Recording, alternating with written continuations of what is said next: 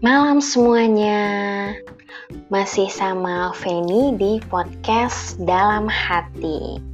Nah, tadinya hari ini tuh mau collab gitu sama Pak suami, tapi ternyata beliau kelelahan ya.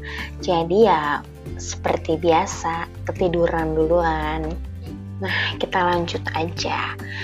Baru bisa nyambung podcast lagi nih setelah beberapa hari kemarin ada acara di luar rumah terus masih masih jet lag dari acara liburan ala-ala itu.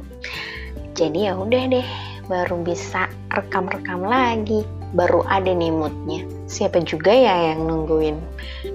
Kayak nggak ada deh. But sebenarnya saya masih semangat sih untuk melanjutkan podcast dalam hati ini walaupun udah ada tema-temanya, tapi kadang harus mikir-mikir juga nih, mau ngobrolin apa ya, mau sharing tentang apa ya. Makanya tadi mau ngajak ngobrol pas suami, eh gak jadi lagi pemirsa, eh gak jadi lagi pendengar. Anyway, malam ini saya pilih topik tentang kejadian Nah, di dalam hidup saya yang sudah berkepala tiga ini, ada beberapa kejadian yang ya ada yang memang direncanakan, ada juga ya yang tidak terduga gitu. Siapa yang tahu kan hal-hal yang dari kecil itu dipendam oleh saya pribadi ketika dewasa mencapai klimaksnya dan itu nggak baik untuk kesehatan mental. Mungkin ada yang pernah merasakan juga memendam sesuatu dari kecil atau ada kejadian yang bikin traumatis. Sampai akhirnya ketika dewasa baru deh ketahuan kita ini kenapa gitu. Ya, kalau lihat dari kasus orang terkenal sih seperti kasusnya Marshanda gitu mungkin ya pas dari kecil mungkin orang tuanya nggak tahu. Kalau Marshanda tuh ya nggak baik-baik aja loh kayak gitu. Salah satunya mungkin itu. Tapi alhamdulillah sih saya pribadi bersyukur banget. Karena topik kesehatan mental tuh udah banyak orang yang aware dan mau berbagi itu. Nggak malu lagi nggak segan lagi untuk mengkomunikasikan tentang kesehatan mental ini karena ya memang benar, kesehatan mental itu nggak kalah dengan kesehatan fisik. Siapa bilang orang yang mentalnya nggak baik-baik aja itu akan terlihat seperti orang gila yang ada di pinggir jalan atau orang yang harus dipasung ya nggak juga orang dengan kesehatan mental itu ya bisa aja di kesehariannya baik-baik saja padahal mentalnya nggak baik-baik saja. Biasanya sih yang kayak gitu ya, orang-orang ekstrovert. Seperti saya. ya, I've been there. Saya pernah ada di masa-masa itu. Alhamdulillah sekarang sudah membaik, lebih baik dan merasa lebih baik dari hari ke hari. Tapi jangan khawatir teman-teman, kalau misalnya teman-teman memang merasa ada sesuatu yang salah atau sesuatu yang perlu pertolongan bantuan gitu dan teman-teman tuh ada kebingungan, boleh banget loh membicarakan itu dengan komunitas-komunitas yang memang concern dengan kesehatan mental gitu. Jadi jangan dibiarin, jangan kalian merasa sendirian juga, tetap gali informasi, jangan sampai ada di titik kalian putus asa terus salam gitu. Segera, segera cari pertolongan karena sekarang udah banyak banget sih yang dengan terbuka campaign-campaign tentang kesehatan mental, juga selebritis-selebritis yang berani speak up gitu tentang kesehatan mental mereka. Karena ya memang tidak bisa disepelekan gitu. Sama halnya dengan kesehatan fisik. Kalau kesehatan fisik kan kelihatan ya, misalnya kita sakit atau terluka gitu kelihatan di badan kita. Tapi kalau kesehatan mental ya jangan diem-diem baik gitu ya ya. Tapi setiap kejadian itu ada hikmahnya sih. Mungkin kalau uh, saya nggak mengalami kejadian yang dulu sebelum menikah itu ya saya nggak akan bisa menjadi seperti saya yang sekarang. Yang mawas diri selalu mikir beribu kali sampai akhirnya overthinking.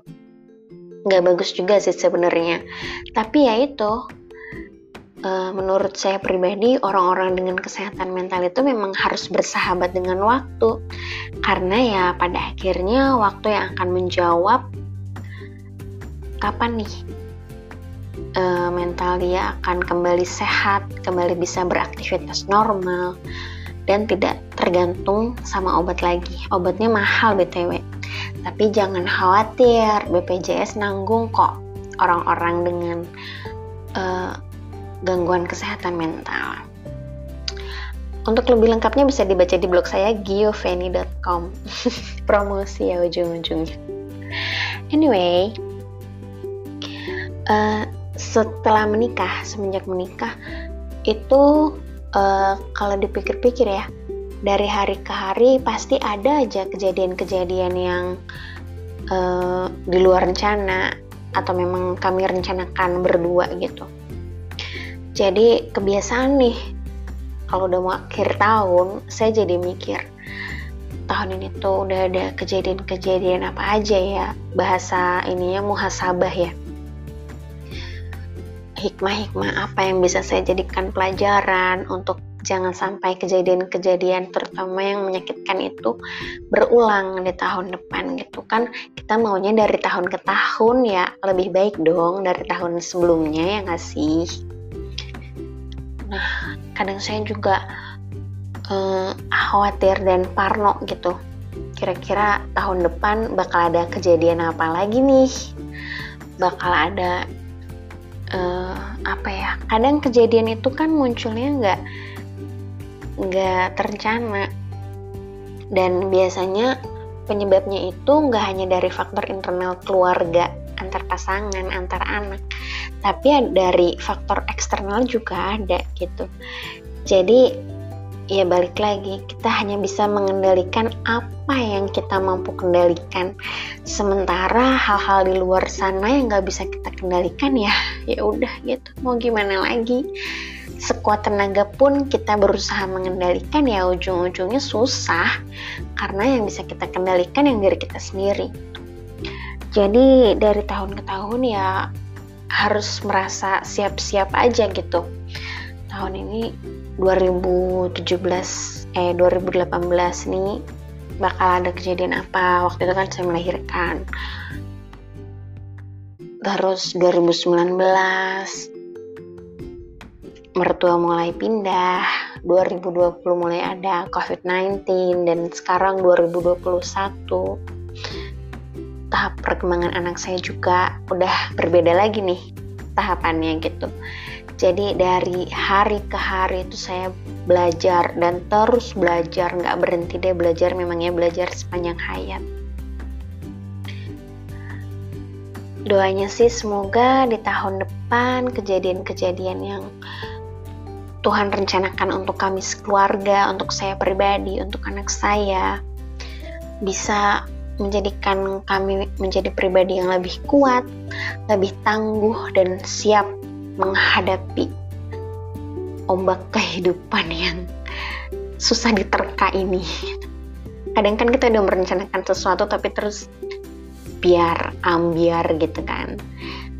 Tapi insya Allah mudah-mudahan apa yang kami cita-citakan juga bisa terrealisasi. Apa yang kami rencanakan diridhoi oleh Allah Subhanahu wa taala. Buat teman-teman yang punya rencana-rencana untuk tahun-tahun selanjutnya juga semoga bisa terlaksana dengan baik, diberkahi dan diridhoi ya. Segitu aja dulu cerita malam ini. Sampai ketemu lagi di podcast Dalam Hati episode selanjutnya. Thank you for spending your time here. Bye bye.